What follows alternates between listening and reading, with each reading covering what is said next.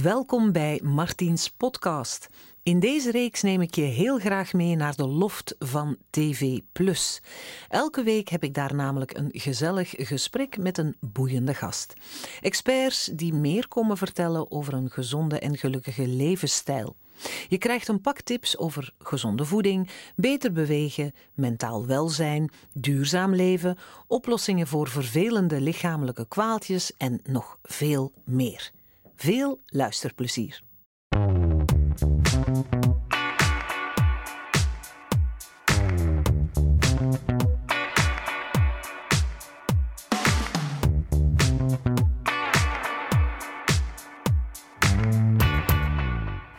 Aloha, hoe gaat het met jullie? Hopelijk picobello. En zo niet, dan heb ik nu een filmpje waar je vrolijk van wordt. Eentje met diertjes.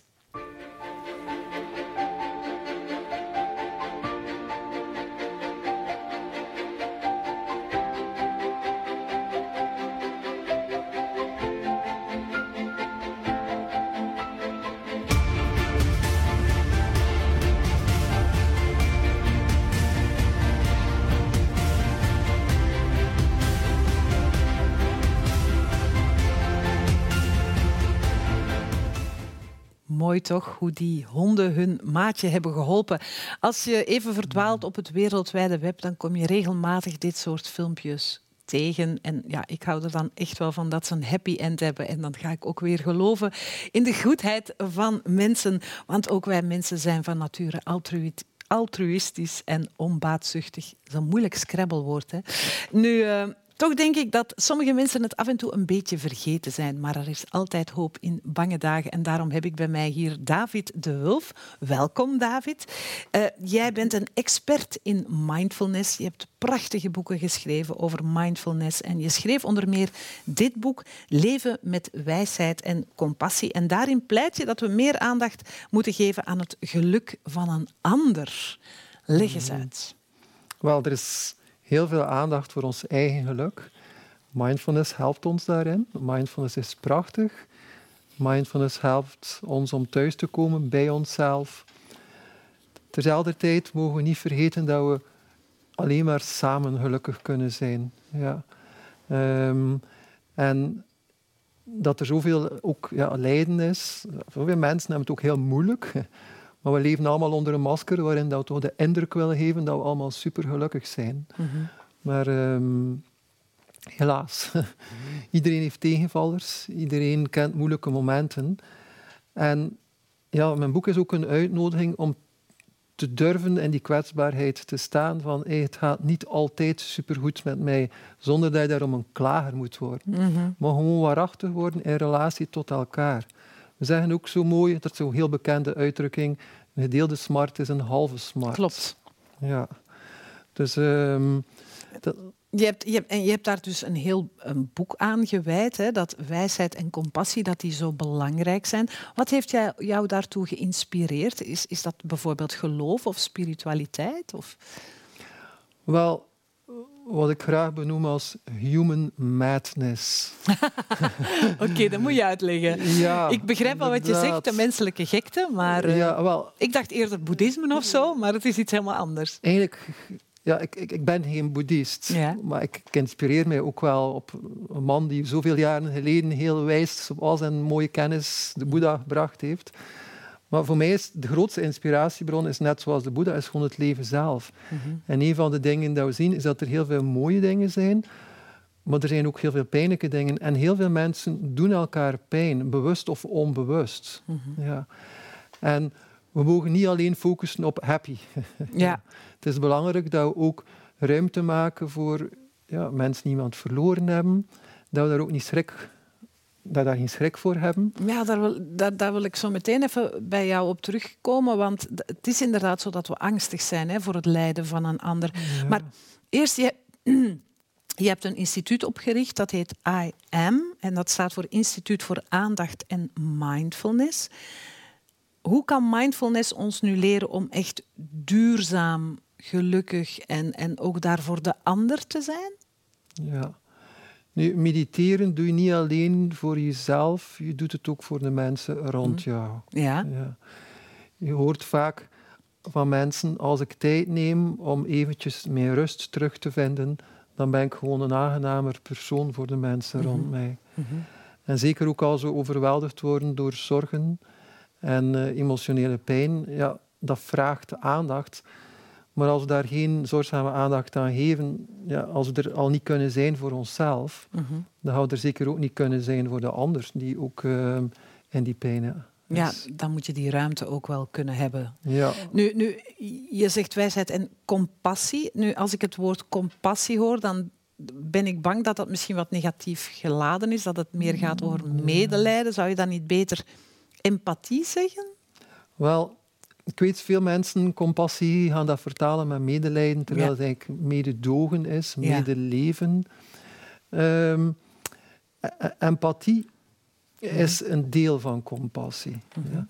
Ehm, als je het woord compassie ontleedt, nu in alle eenvoud betekent dat het ik laat mij raken door jouw pijn, door jouw ongemak en ik, ik wil jou helpen. Ja. Ik, ik, ik, ik voel het belang om er ook te kunnen zijn om, eh, voor jou. Nu, empathie is eigenlijk ook het, het zien van de pijn en het meevoelen, maar heeft niet per definitie ook de wens om de ander te helpen. Zoals het mooie filmpje van daarnet, Mhm. dat mij ook echt geraakt heeft. Ehm, die honden waren compassievol. Ja. Want ze zagen niet alleen de pijn, ehm, ze hebben niet alleen het meeleven van, van oké, die is hier in nood, maar er is ook dat impuls vanuit het hart, wij willen jou redden. En, Mhm. en dat maakt eigenlijk, ehm, dat maakt compassie tot compassie. Ja, het is dus ook iets helemaal anders dan medelijden, waarin dat je eigenlijk alleen maar klaagt en jammert. Mee gaat jammeren en klagen eigenlijk. Ja, ah, ja. Het is wel heel erg. En, ja. Ja. Maar jij zegt van... Mindfulness kan een manier zijn om in contact te komen met onszelf en onze emoties, maar zodoende ook met dat van de anderen. Ja, als we natuurlijk mindfulness gaan nog verruimen. Mhm. ja. Een belangrijk element dat veel mensen niet zo bewust van zijn in mindfulness is wat genoemd wordt zelfcompassie. Nu, zelfcompassie heeft zeker niks te maken met zelfmedelijden. Ja? Ik had iemand die op een training zelfcompassie was en die deelde, ja, mijn buurvrouw zei, alleen betaalde jij nu om medelijden te hebben met jezelf. maar, Maar zij- jij hebt het uitgelegd zodat hij zijn buurvrouw ook wat wijzer Ah, wel. kon maken misschien. maar uiteindelijk gaat het erom om milder te zijn. Want mindfulness is denk ik toch heel beroemd geworden omwille van de positieve effecten dat het heeft bij mensen met depressie. Ehm, zowel mensen die in een depressie zitten of ook bij het voorkomen van nieuwe depressies. Nu is dat onmiddellijk gerelateerd aan de graad van zelfcompassie die je ontwikkelt in een mindfulness training. En heel simpel uitgelegd, want je kunt dat in een, in een, in nog een training nog veel dieper Mhm. eh, leren. Maar komt het erop neer van, kijk, ik voel mij wat somber, maar het is oké. Ik ben een mens en ieder mens voelt zich wel een keer somber. Mhm. Ik hoef daar niet in strijd mee te gaan. En het bijzondere is dat het dan ook weer veel sneller voorbij gaat. Hetzelfde bijvoorbeeld ehm, als over angst spreken. Mensen met paniekaanvallen, die kennen dat. Het komt op en oh nee, het komt weer naar boven. Het zou niet mogen naar boven komen. Ik heb nu een cursus gedaan om geen paniekaanvallen te krijgen en ik zal er weer een krijgen. Die weerstand ertegen zorgt ervoor dat het nog erger wordt. Ja, is, is dat wat je in je boeken eh, boosheid en angst aan, aan de mensen uitlegt? Dat dat, veel mensen denken, oh, dat is niet makkelijk, hè? Oh, ik moet ermee leren omgaan. Gewoon het wat ruimte geven in jezelf en niet meteen in een paniek schieten. Is, is dat dan eigenlijk de essentie van wat de mindfulness je leert, hoe je daarmee moet omgaan? Wel, mindfulness leert echt met de complexiteit, of, of nu meer naar angst, eh, met de onzekerheid waarmee dat we vaak leven, eerder dan controledwang, je- om je daar volledig in te verliezen. Dat is zo'n basismantra, relax, you're not in control. Die helpt. Maar ook zien, ja, veel dingen kun je niet controleren. Kan ik de wijsheid hebben om een onderscheid te, te maken? Dus wat kan ik veranderen, wat kan ik niet veranderen? Zijn er dingen die we niet kunnen veranderen? Ja, als je in de file staat, dan sta je in de file. Ja, dat bedoel je. Ik dacht dat je het over Ja. emoties had. Sorry. Ja, ah, wel, het is dan uw emotionele reactie erop natuurlijk. Ja. als je daarover klaagt en jammert, zelfmedelijden, ja, daar, Ik sta altijd in de file. ja, de file gaat daar niet sneller mee gaan en je maakt jezelf ongelukkig. Het is Ja. totaal niet zinvol. Mhm. Dus zei je, oké, ik kan dat toch niet veranderen, dan kan ik dat gaan accepteren in mezelf. Maar je zegt daar nu een heel belangrijk woord, accepteren. Hè? Dus de acceptatie van een bepaalde emotie, Mhm. om ze eigenlijk wat makkelijker te kunnen loslaten. Maar heel veel mensen steken hun emoties juist weg, proppen die weg, willen daar niet naar kijken. Is, zit het probleem dan vooral daar? Wel, we hebben inderdaad het idee dat we ons gelukkig moeten voordoen. En dat ja, bijvoorbeeld boosheid, verdriet, angst met, met je meedragen of dat tonen aan de mensen, dat dat de indruk zal geven dat je niet gelukt bent. Ja, En als er één iets is dat we willen, dat is het wel geaccepteerd worden door onze medemens. door de roedel. Absoluut, omdat dat ook ehm, in, in de oertijd zeker, maar ook vandaag nog, maar het was onmogelijk om te overleven als je geen deel was Het is van een de teken groep. van zwakte. Ik, ik, ik hoorde nu, dat is misschien een hele vreemde vergelijking, maar ik heb een zeer oude hond thuis. En ik vroeg aan mijn dierenarts, heeft ze pijn? Want ze, ze piept niet, dus ik denk niet dat ze pijn heeft. Waarop mijn dierenarts zei, ja, maar een hond gaat niet zo snel piepen, want in, in een roedel, als je piept, ben je zwak en dan word je afgemaakt. Dus een hond zal niet zo snel aangeven dat hij pijn heeft. Dus ik had zoiets van, oh ja. En het is eigenlijk ook zo met mensen. Als je toegeeft dat je zielig bent of angstig bent, dan geef je toe dat je wat zwakker bent. Nu, eh, ik heb ook een heel mooi filmpje gevonden over, eh, over je emoties praten. Die angst voor hoe gaat de buitenwereld reageren. Ik ben benieuwd wat je ervan vindt. negatieve gedachten hebt of piekert, dan zit je in je eigen vierkantje. Niemand anders weet waar jij mee zit. Voor veel mensen duurt het dan best lang voor je de beslissing neemt: ik ga er met iemand over praten. En je beslist dan om het toch te doen en dan reageren mensen: komt wel goed. Het is toch zo erg niet. Je moet gewoon wat beter je best doen. Op dat moment kruip je gewoon weer terug in je vierkantje. Dus als iemand naar jou komt met een probleem of een bepaald gevoel, geef daar dan aandacht aan. En zeg, mij, dat is lastig. Ja, hij heeft het er vooral over dat mensen het niet zeggen en dat die toehoorder daar misschien ook verkeerd op reageert. Is, het dat, misschien, is, is dat misschien de reden waarom het zo moeilijk is om over onze emoties te praten? Omdat we bang zijn dat iemand daar heel raar op gaat reageren misschien? Ah, We zijn dat niet gewoon. We hebben- we zijn, geven heel veel waarde aan het denken en het doen. Ehm, we vergeten dat we eigenlijk een human being zijn, geen human doing zijn. Een human being, het, het zijn, het, het, het, het hebben van gevoelens, is iets dat we helaas zo vaak miskennen. Ik heb ooit ehm, twee jaar geleden iemand op de zomerweek gehad en die zei, ik deel hier gevoelens met mensen dat ik nog maar drie dagen ken, dat ik zelf niet durf delen met mijn beste vriendin dat ik al twintig jaar heb. Ehm, dus we hebben daar nog een hele weg te gaan als samenleving. Ik denk dat het een noodzakelijke weg is. Ja.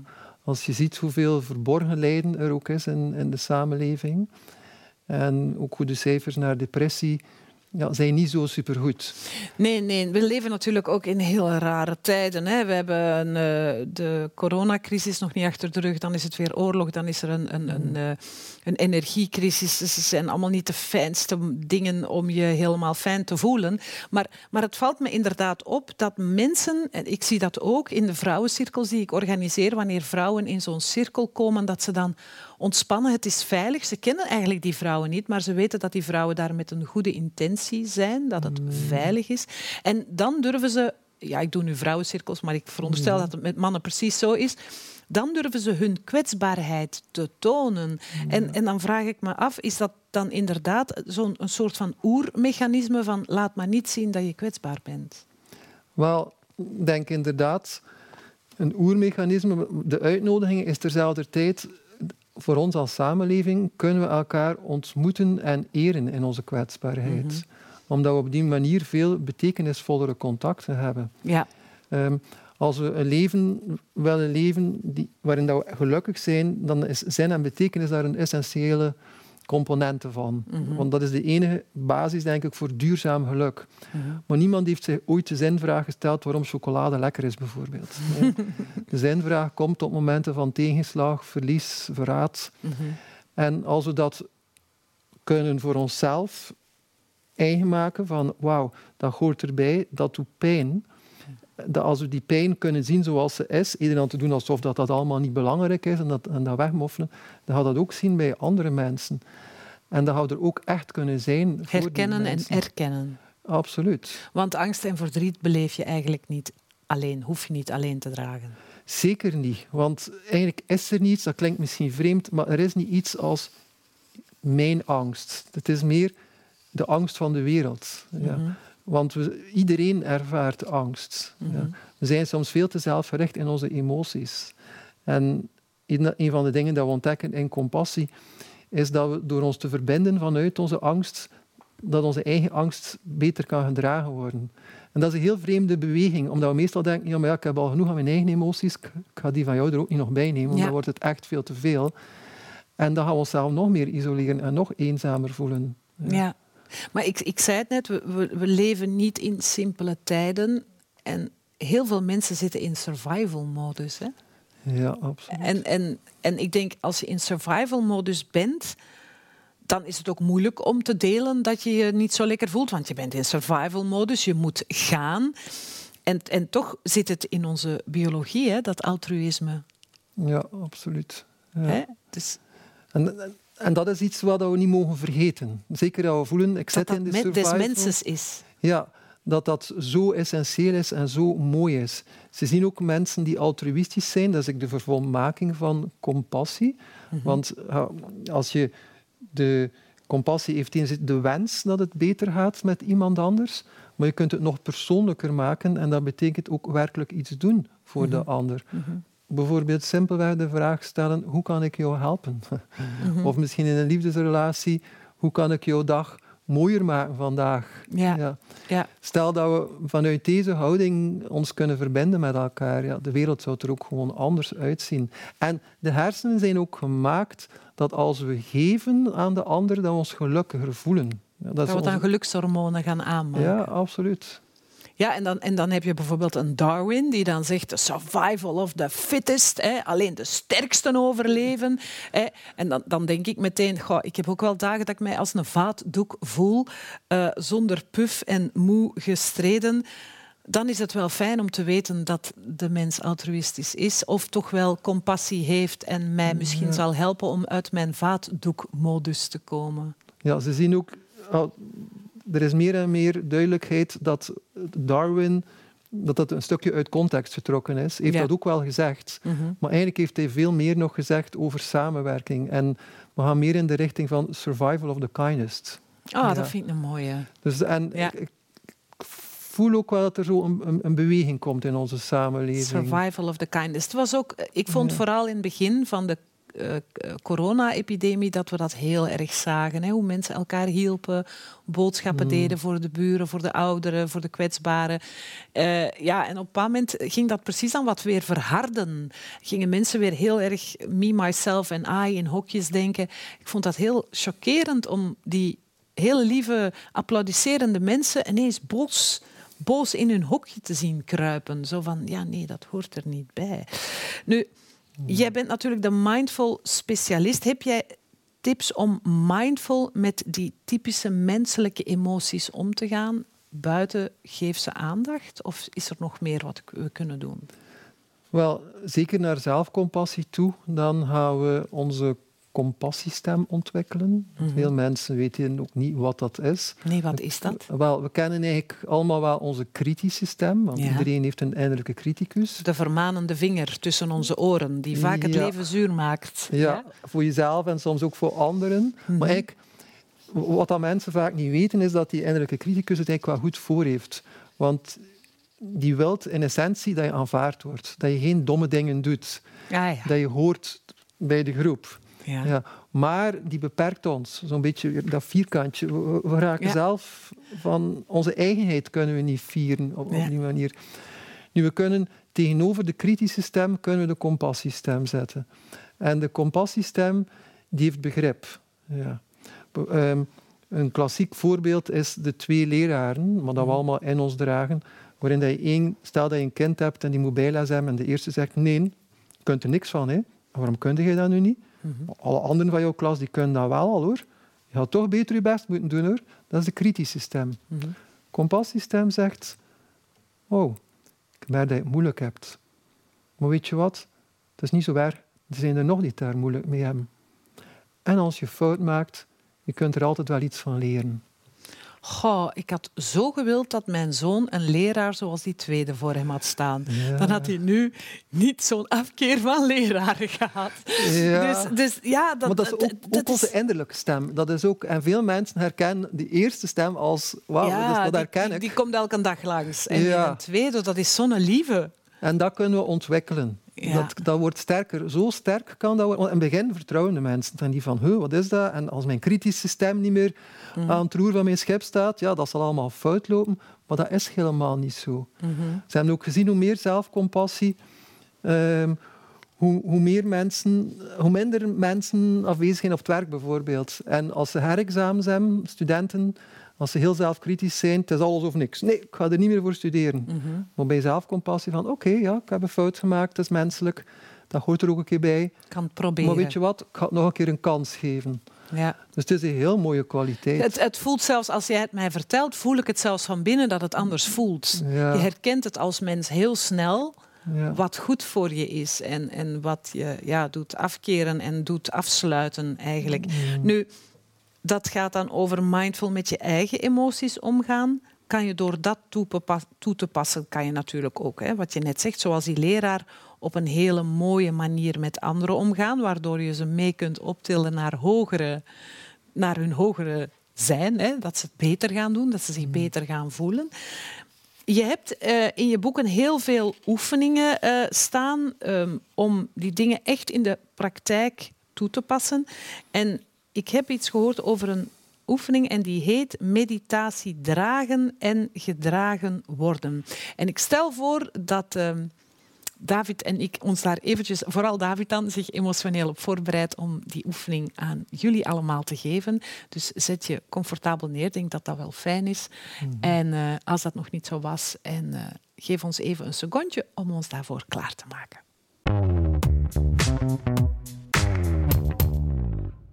Jullie zijn er klaar voor, ik ook. David, we gaan dus de oefening meditatie dragen en gedragen worden doen. Vertel. Nu, ehm, met zelfcompassie leer je je eigen pijnlijke gevoelens te dragen. Ehm, dus een draagvlak creëren, je veerkracht versterken om met pijn om te gaan. En ook ontdekken dat pijn eigenlijk niet de vijand is.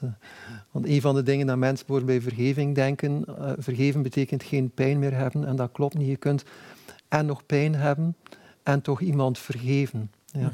De pijn dat we ervaren kan ook een ingangspoort zijn naar ehm, compassie, dus naar verbinding van anderen.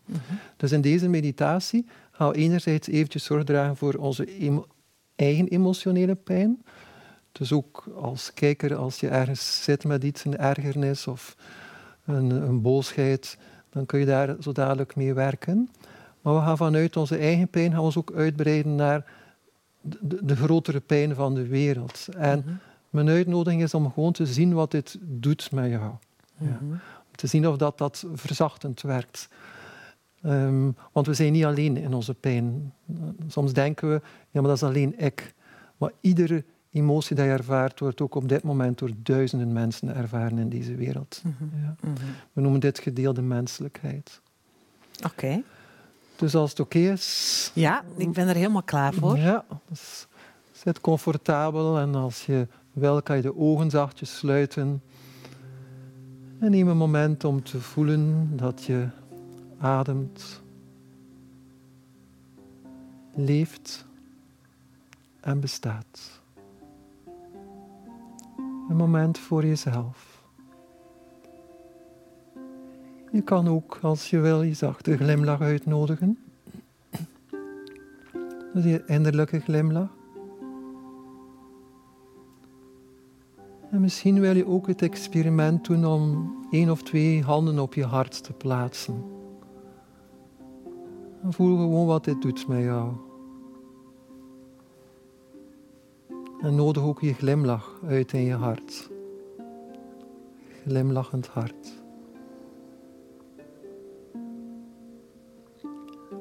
En als je daar nu toe bereid bent, denk aan een moeilijke situatie en de emotie die op de voorgrond staat. Misschien ergernis, misschien ontgoocheling, verdriet, angst. En bevestig voor jezelf, dit is angst. Dit is emotionele pijn. En met je compassiestem kan je zachtjes tegen jezelf luisteren. Mogen mijn pijn gedragen worden door de warmte van compassie. De warmte van compassie. je kan je compassie voorstellen als een warme zon in je hart. Mogen mijn pijn gedragen worden door de warmte van compassie. Dus hoe is het voor jou om je te laten dragen door de zon van compassie? En realiseer ook dat je niet alleen bent. Wat jij nu voelt, wordt door duizenden mensen gevoeld, ook op dit moment. Je verhaal is misschien anders, maar dit rauw gevoel van pijn wordt gedeeld door jong en oud, honderd jaar geleden en vandaag. Dus zie of dat je nu kunt uitbreiden naar de pijn van alle mensen die dit ervaren. En gebruik nu de woorden, mogen onze pijn gedragen worden door de warmte van compassie. Mogen onze pijn gedragen worden door de warmte van compassie. Mogen ik deel zijn van het web van dragen en gedragen worden. En op jouw moment misschien nog even wat dieper in en uitademen en langzaam je ogen weer openen. Mooi, dank u wel. David, dank voor je komst. Dank voor je prachtige boeken. Het zijn er ondertussen al twintig die mensen bij de boekhandel kunnen vinden als ze nog wat guideline nodig hebben naar compassie en wijsheid. Dank je wel. Ik hoop dat uh, jullie hebben meegedaan en dat het voor jullie ook fijn voelde. Nu, uh, we gaan kijken wat we daarmee kunnen. Hè? Die compassie naar onszelf en naar elkaar. En ik ben ervan overtuigd dat de wereld na deze uitzending weer een beetje mooier zal worden.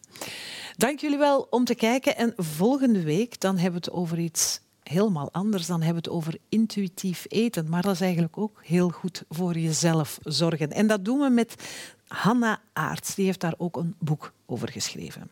Heel graag tot dan en uh, heb een hele fijne week. Dag.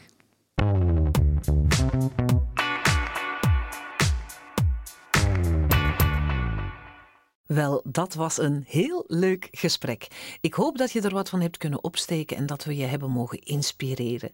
En als je dit gesprek nog eens wil zien, dan kan dat. Surf gewoon naar www.tvplus.be en check programma Martiens.